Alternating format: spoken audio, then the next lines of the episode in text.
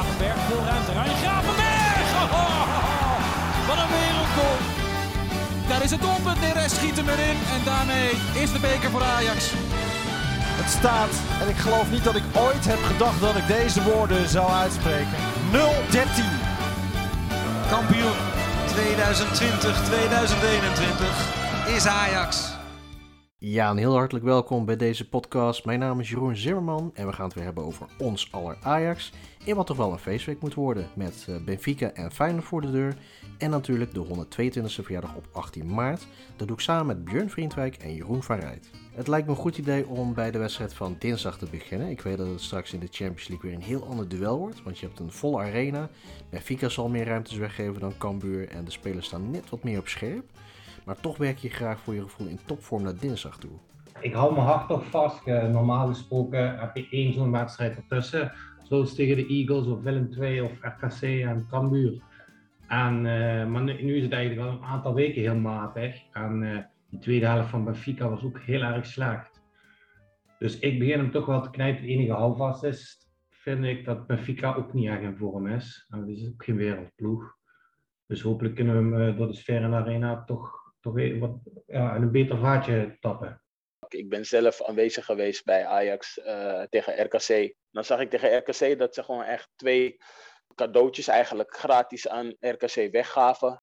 Tegen Benfica moet je daar echt absoluut voor waken. Die heeft gewoon vliegersvlugge vleugelspelers Waaronder eh, Rafa Silva, Everton, natuurlijk de spits, natuurlijk Darwin Núñez. Als je zulke fouten gaat maken, word je geloof binnen, de no, binnen no time afgestraft in de eerste of tweede, derde minuut al. En als je uh, al ruim achter gaat komen, ja, dan maak je eigenlijk weinig kans. Reden ook waarom, omdat de uitgoal is, ook is afge, afgeschaft. Ja, want dat vind ik wel interessant, dat uh, de uitgoal dit seizoen is afgeschaft. Hoe, hoe kijken jullie daar ja. tegenaan? Vinden jullie dat nou echt een voor- of nadeel? Want zelf thuis eindigen is nu echt wel weer een voordeel. Voorheen vond ik het altijd best nadelig dat uh, de uitspelende ploeg dan gewoon 120 minuten lang dat, dat voordeel had, dat, dat alle goals dubbel telden. En dat heb je nu gelukkig niet meer. Als het bijvoorbeeld straks 0-1 wordt dinsdag, dan hoef je niet gelijk in de stress te schieten. Ja, ik heb, ja. ik heb zo'n rare regel gevonden. Maar zeker in, in verlenging, hè, dat, die, dat die regel nog doorgeldt, want dan was het eigenlijk niet eerlijk. En, ja, het was eigenlijk een rare regel waarom, waarom je dat als, als uitploeg uh, extra punt zou kunnen krijgen. Dus uh, ik ben er wel blij mee dat het is afgeschaft. Uh,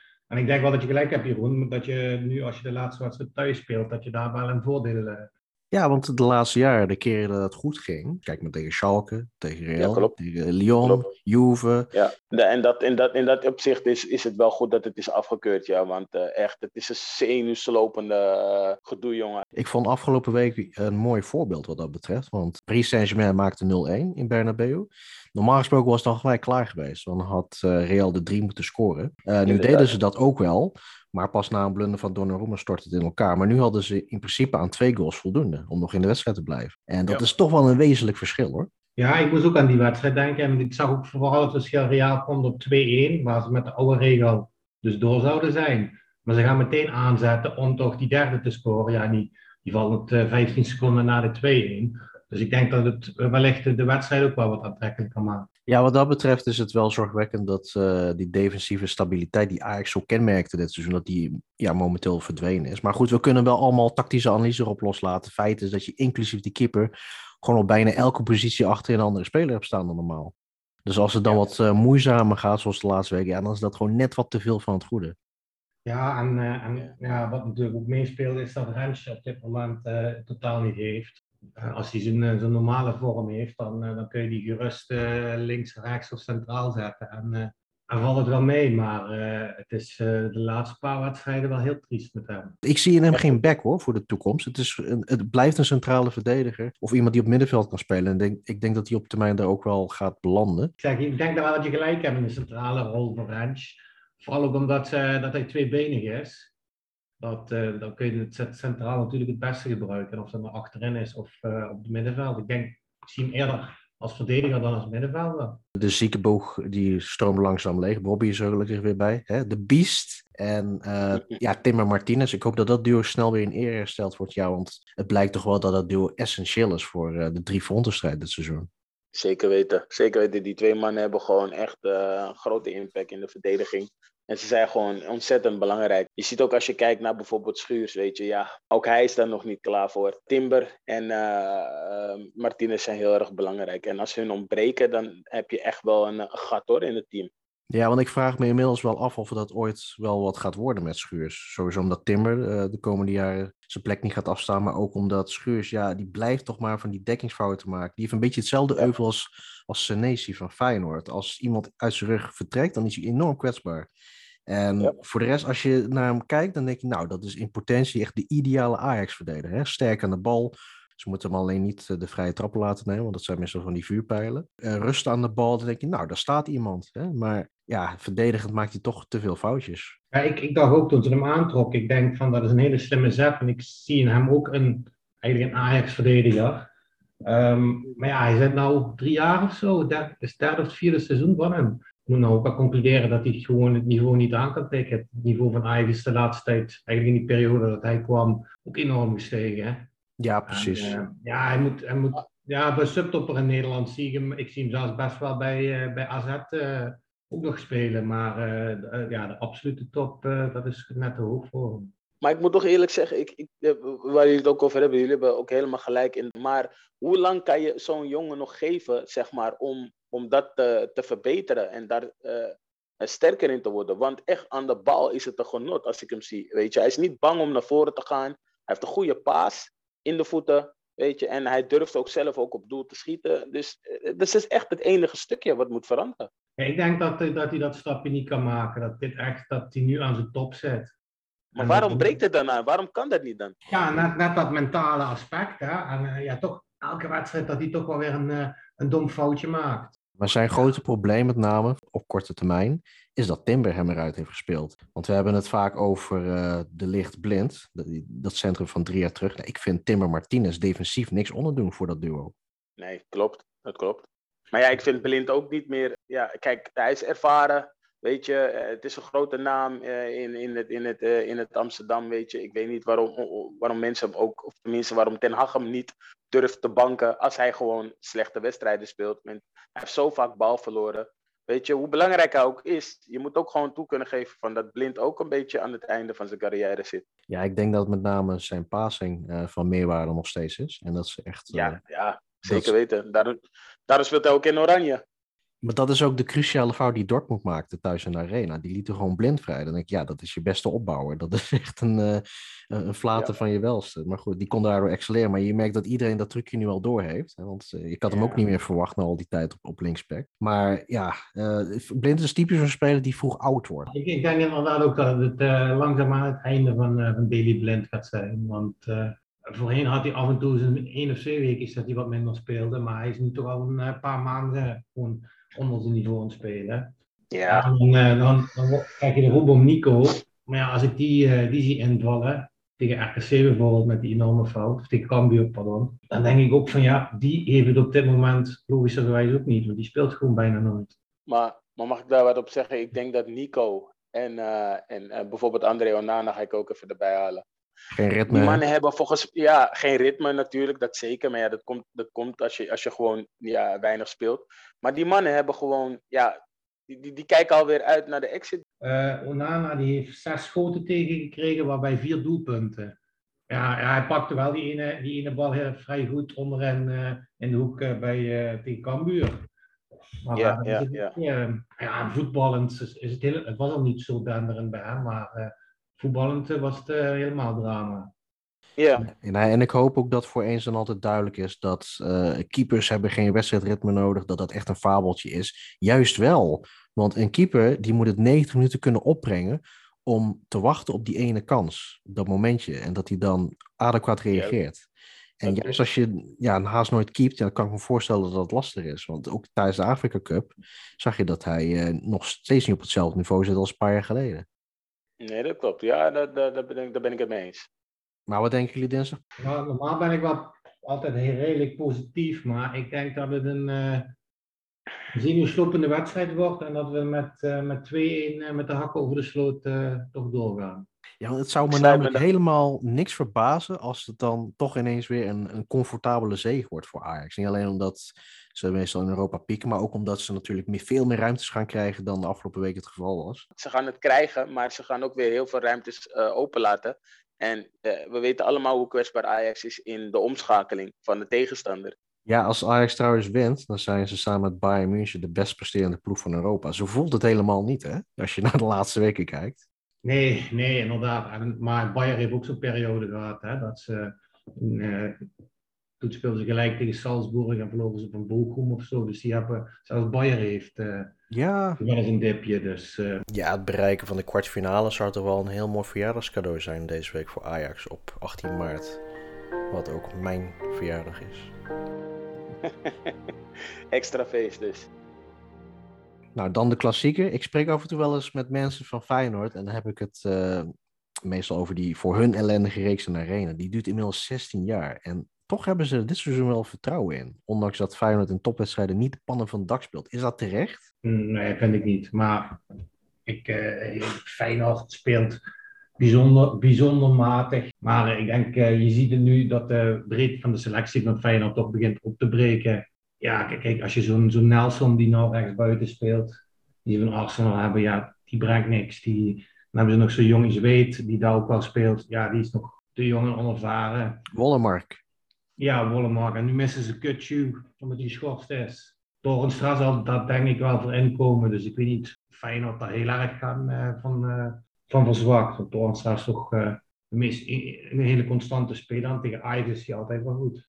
Maar ik denk dat eh, dat wel een makkelijke zege wordt. eh 3-1 of zo. Dat, ik zie Feyenoord geen punt pakken. Ja, het scheelt ook dat Feyenoord donderdag nog in actie komt tegen Partizan. Dan hebben ze sowieso twee dagen minder rust dan Ajax. Hetzelfde geldt trouwens ook voor PSV. Mochten ze de kwartfinale halen van de Conference League, dan is eh, de return van de kwartfinale vlak voor de bekerfinale. Nou, is toch altijd mooi meegenomen. Eh, niet dat ik geen vertrouwen heb in de eigen kwaliteiten, maar je ziet vaak in de slotfase dat het toch wel meespeelt hoor. Dat zag je heel goed in de thuiswedstrijd tegen PSV. Toen had PSV een paar dagen daarvoor nog eh, eh, Europa League gespeeld destijds. Want die zijn twee keer gedegradeerd inmiddels. En ja, je zag toch wel in de slotfase dat het ineens heel rap ging. Oh, Ja, en- nu, en- nu hoeft Feyenoord zich niet echt eh, in te zetten donderdag natuurlijk. Dus dat scheelt ook wel voor hun. ja, daarom. Ja, Slot heeft wel, wel aangegeven dat hij zo weinig mogelijk gaat roleren. Dat snap ik ook wel weer. Nee, dat snap, dat snap ik ook wel. eh, dat je dat niet gaat Ja, je doen. moet, je, moet, je moet altijd waken hè, voor de tegenstander. Je mag nooit onderschatten. En je weet niet hoe de tegenstander natuurlijk voor de dag komt in de uitwedstrijd. Feyenoord is in de eredivisie eh wel zwak. En in Europees, eh, op Europees gebied spelen ze echt uitstekend. En eh, Ja. ja. ik zie ze best wel ver komen, als ik eerlijk ben. Daar is ook wel een verklaring voor. Dat komt omdat ze in Europa het spel niet hoeven te maken. En je ziet het als ze bijvoorbeeld thuis tegen RKC spelen of iets dergelijks. Ja, Mhm. dat ze dan de grootste moeite hebben om eh, te domineren. Ja, ik- dat is best gevaarlijk wat ik nou zeg, na die eh wanvertoningen van onze laatste weken. Maar bij, bij Feyenoord zitten er nog te veel stropige wedstrijden tussen. Dat klopt.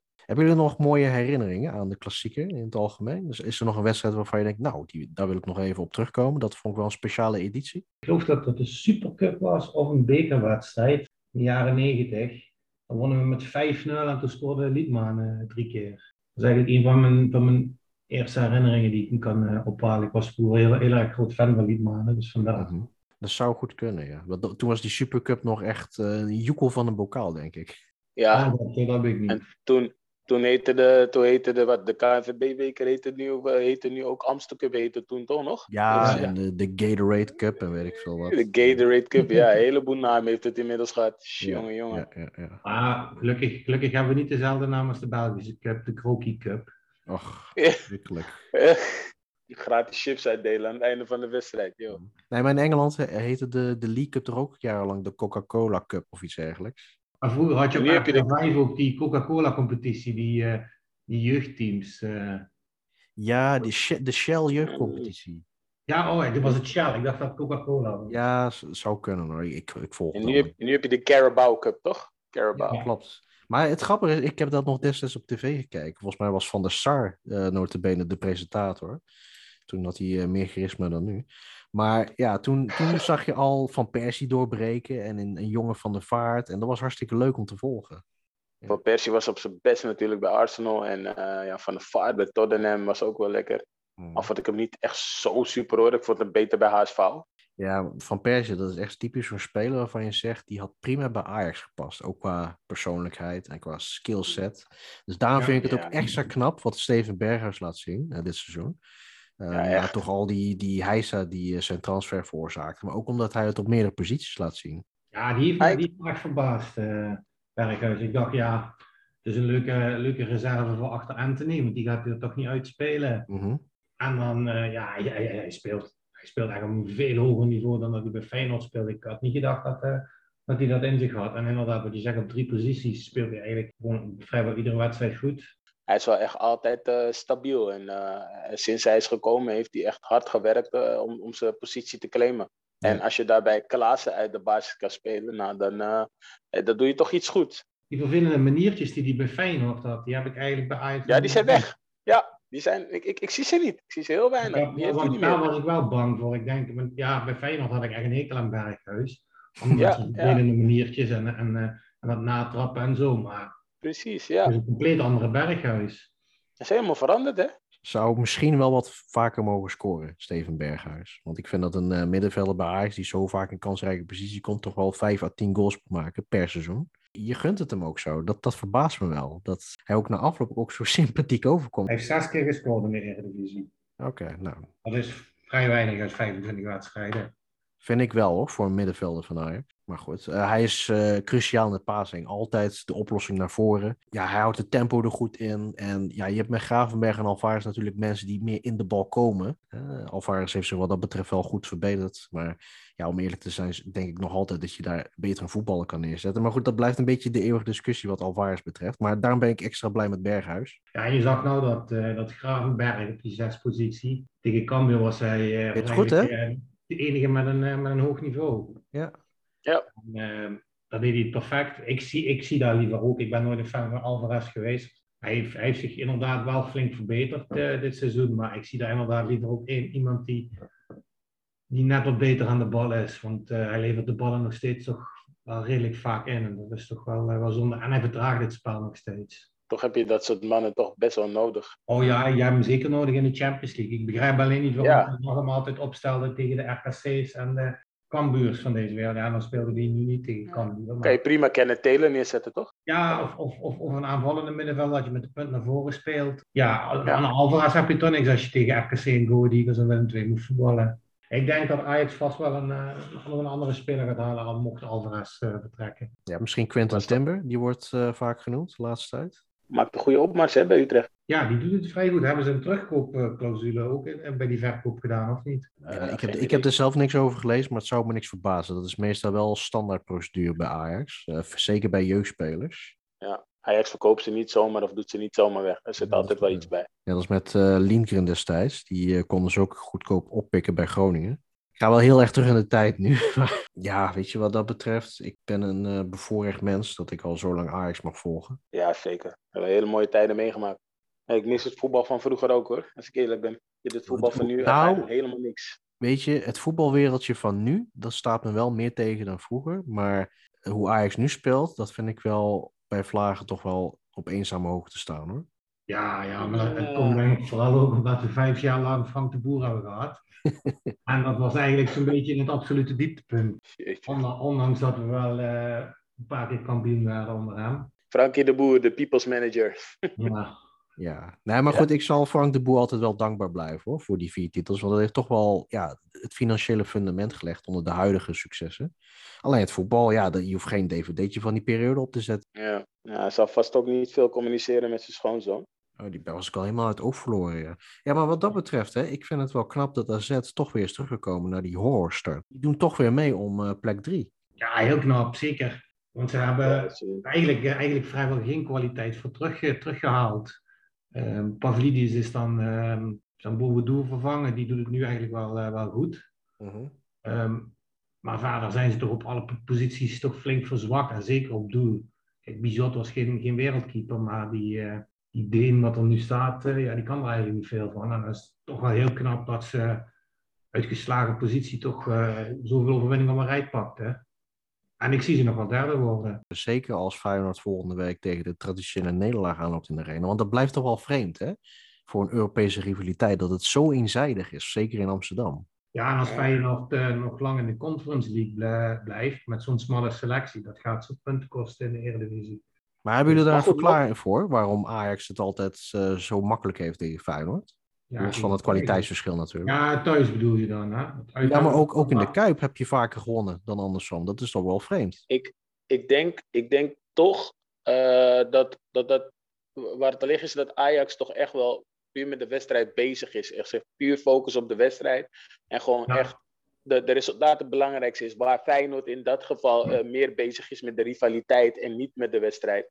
Eh, waardoor je ook ziet dat het vaak ook een harde wedstrijd, eh, harde wedstrijd altijd wordt. En, en er vaak meer kaarten vallen dan aan Feyenoord kan dan bij Ajax bijvoorbeeld. Ze zijn er meer mee bezig met het fysieke aspect en niet met de, met de wedstrijd zelf. Als zij Ja. beide erop gingen focussen, dan zou het een heel andere wedstrijd worden. Die rode kaart van Sint-Just na een paar minuten. Eh, Ja, daar moet ik ook wel aan denken. Ik denk ook, eh, Ja, plaats van die jongen die nu bij Mainz eh, speelt. Ja, dat, dat is het perfecte voorbeeld eigenlijk wat, eh, wat Bjorn zegt, die wedstrijd. Eh Ajax kwam om te voetballen en Feyenoord, die ja, als, een, als een stier om een rode lap. Ik weet niet of jullie het nog over Huntelaar willen hebben. dat had ik gelezen. Ja, ik dacht eerst Ik ben dat het over een overmars was. Ik denk, wow, maar eh, dat, eh, ze blijken toch nog naar iemand te zoeken die overmars opvolgt. Nou, ik vind het wel een eh, goede zaak dat hij is toegevoegd aan de technische organisatie, zoals dat zo mooi heet. Want nu kan hij alvast een kijk in de keuken nemen, onder de hoede van Gerry Hamstra, dat hij alvast wat taken op zich neemt. En het zou me ook niks verbazen mocht blijken van de zomer dat het toch lastig wordt om een eh, ja, vervanger te halen voor Overmars. Dat ze dan een, een soort gelijk traject uitstippelen zoals met Michael Kinsberg en Van der Sar destijds. Hè? Dat Van der Sar Ja. eigenlijk al in die rol werd opgeleid. En dat Huntelaar dan op termijn uiteindelijk de opvolger kan worden. Want nu is het nog veel te vroeg natuurlijk. Daarom moet hij eh, lekker, eh, lekker meelopen, lekker veel eh, ervaring opdoen, goed kijken, goed luisteren en dan moet het wel goed komen.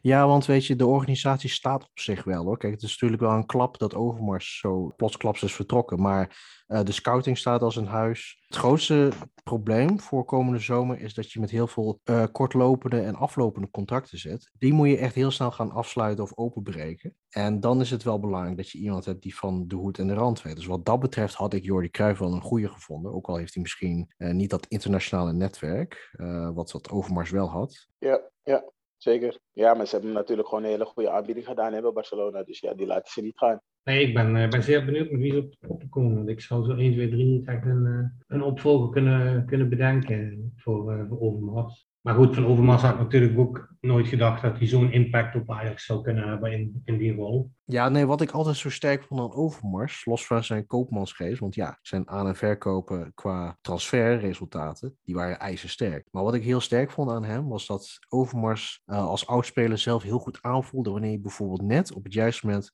een contract moest openbreken. Bijvoorbeeld eh Neres of Tagliafico, dat je die dan toch extra opwaardeerde, dan bleven ze toch wat langer. En dat voelde hij heel goed aan. En dat is wel een trendbreuk met eh, ja, de voorgaande jaren. Want als een speler in de belangstelling kwam van een andere club of ze liepen al een tijdje rond, dan was het meestal wel een ABC'tje dat die speler in kwestie weg zou gaan. Maar nu heb je voor het eerst sinds jaar, eh, ook door corona natuurlijk, te maken gehad met een selectie die grotendeels intact bleef. En dat is de grote winst. Ja, ja, dat is wel de stap die je hebt gemaakt. Want, eh, bijvoorbeeld dat een Ziyech ook clubs als Roma en Sevilla eh afzegde toen. En dat hij toen nog een jaar heeft bijgetekend. Dat was eh, gewoon eh, ja, heel slim gedaan van Overmars. Maar heb je toch nog net een jaar langer, heb je een jaar de tijd van opvolger. Nog een voorspelling voor aankomende zondag tegen Feyenoord?